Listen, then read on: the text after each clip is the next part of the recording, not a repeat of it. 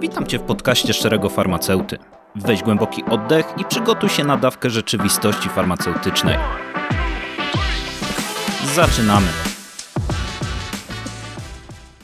Witajcie w kolejnym odcinku podcastu. Dziś poruszymy temat, który może wydawać się zaczerpnięty z filmu sensacyjnego, ale niestety jest bardzo realny i wpływa na życie każdego z nas. Mówimy tu o mafii lekowej i problemach związanych z odwróconym łańcuchem dystrybucji leków w Polsce. Dla wielu z nas leki są synonimem bezpieczeństwa i skuteczności. Ufamy, że procesy ich produkcji, dystrybucji, sprzedaży są ściśle kontrolowane i służą naszemu zdrowiu. Niestety, rzeczywistość czasami pisze inne scenariusze. W dzisiejszym odcinku przyjrzymy się bliżej ciemnej stronie rynku farmaceutycznego. Będziemy mówić o tym, jak nielegalne działania wpływają na dostępność i bezpieczeństwo leków, jakie są tego skutki dla pacjentów, a także co można zrobić, aby przeciwdziałać tym negatywnym zjawiskom. Zapraszam Was do wysłuchania tego odcinka, który mam nadzieję rzuci trochę światła na te często pomijane w publicznej dyskusji aspekty naszego systemu opieki zdrowotnej.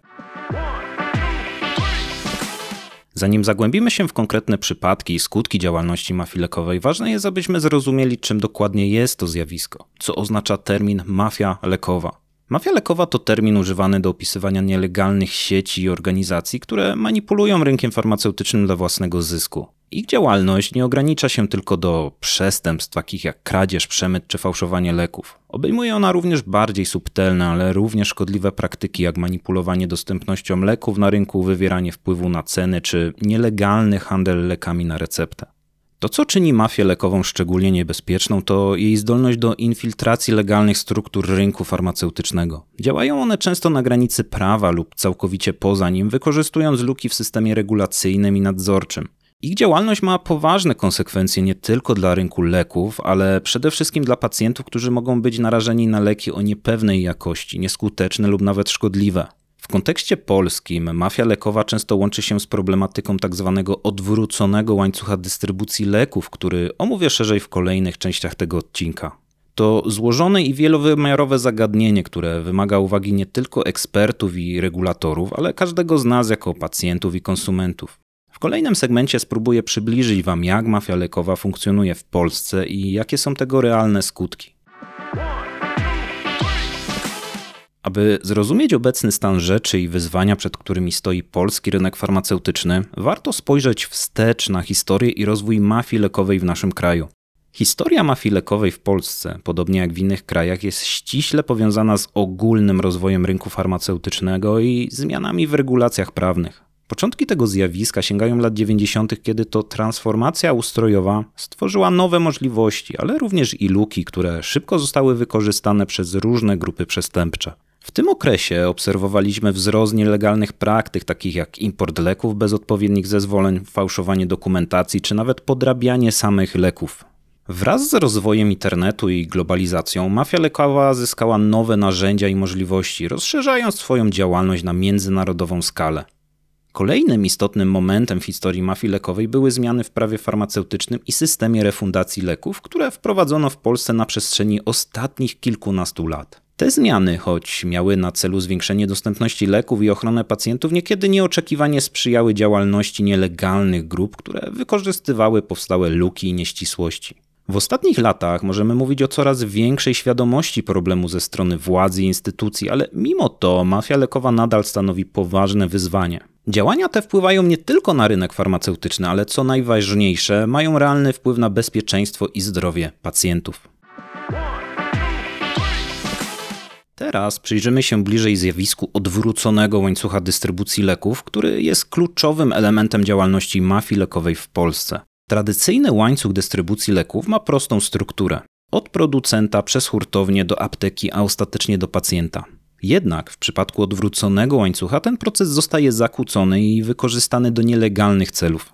W odwróconym łańcuchu dystrybucji leki często podróżują w sposób nieprzewidywalny i niezgodny z zasadami. Może się to odbyć na kilka sposobów.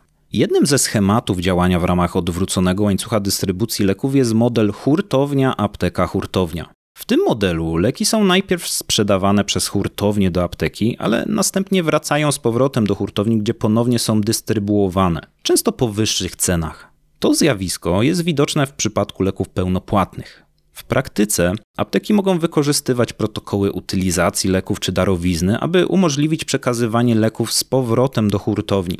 Tak przynajmniej dawniej omijano pewne procedury. Jest to sposób na obejście standardowych ścieżek dystrybucji i regulacji cenowych. Takie działania pozwalają na generowanie dodatkowych zysków przez ponowną sprzedaż tych samych leków po wyższej cenie. Istnieje również możliwość, że w proceder ten zaangażowane są leki refundowane. W tym przypadku leki są wykupywane przez aptekę na rzecz pacjentów, ale ostatecznie zamiast trafić do pacjentów, trafiają do hurtowni. W takim scenariuszu w proceder mogą być zaangażowane trzy strony: hurtownia, lekarz oraz apteka. Lekarz wypisuje recepty na leki, które są następnie wykupywane przez aptekę, a potem leki te są zwracane do hurtowni, skąd mogą być ponownie dystrybuowane. Kolejny model działania w ramach odwróconego łańcucha dystrybucji leków to hurtownia, apteka, wywóz za granicę i sprzedaż po wyższych cenach. Ten model obejmuje sprzedaż leków przez hurtownię do apteki, a następnie eksport tych leków za granicę, gdzie są one sprzedawane po znacznie wyższych cenach. W tym scenariuszu apteki pełnią rolę pośrednika w procesie eksportowania leków. Leki, które zostały zakupione od hurtowni, zamiast trafić do pacjentów, są wywożone za granicę. Na rynkach zagranicznych te same leki mogą być sprzedawane po znacznie wyższych cenach, generując większe zyski dla osób prowadzących ten proceder.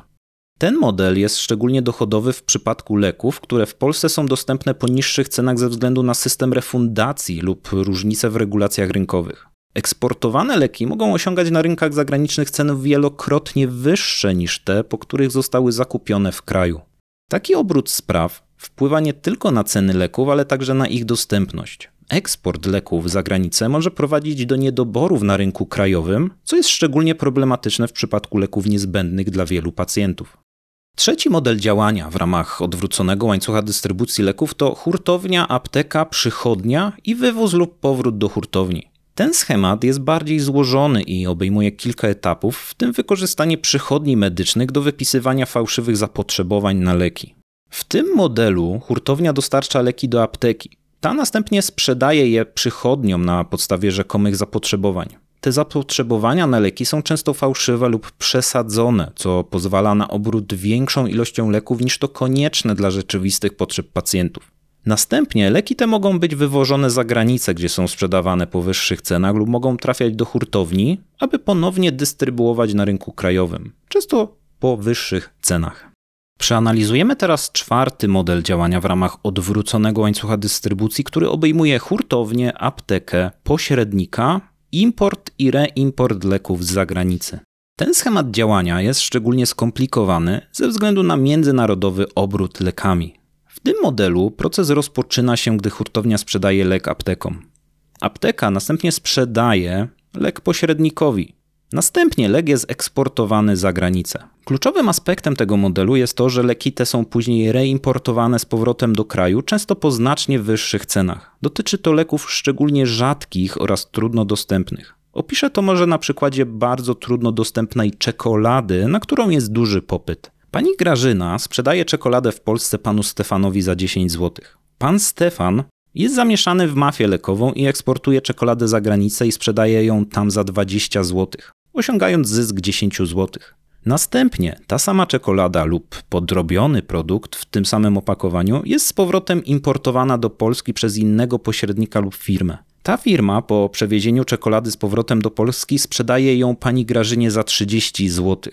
W rezultacie pani Grażyna, która pierwotnie sprzedawała czekoladę za 10 zł, musi teraz kupić ten sam produkt za 30, aby móc go znowu sprzedawać w swoim sklepie. Dlaczego to robi? Ponieważ ta dana czekolada jest bardzo trudno dostępna, a klienci jej potrzebują i poszukują tej danej czekolady. To prowadzi do wzrostu cen dla konsumentów końcowych. Odwrócony łańcuch dystrybucji leków często dotyczy szczególnie drogich leków oraz tych, które są rzadkie lub mają ograniczoną dostępność na rynku. Oto kilka powodów, dla których te grupy leków są szczególnie narażone. Pierwsza grupa to drogie leki. Leki o wysokich cenach detalicznych są atrakcyjne dla nieuczciwych pośredników, ponieważ oferują potencjalnie większe marże zysku. Jeśli lek kosztuje znacznie więcej w innym kraju, istnieje pokusa, aby wywieźć go z kraju, gdzie jest tańszy i sprzedać tam, gdzie jego cena jest dużo wyższa. Druga grupa to leki o ograniczonej dostępności. Leki, które są trudno dostępne, często są bardziej pożądane na rynkach zagranicznych. To może obejmować nowe leki, leki na rzadkie choroby czy leki stosowane w szczególnych terapiach. Ich rzadkość może zwiększać potencjalną wartość na rynkach, gdzie nie są one łatwo dostępne. Trzecia grupa to leki ratujące życie i leki na przewlekłe choroby, ponieważ pacjenci są zwykle gotowi zapłacić więcej, aby uzyskać dostęp do leczenia, które jest krytyczne dla ich zdrowia.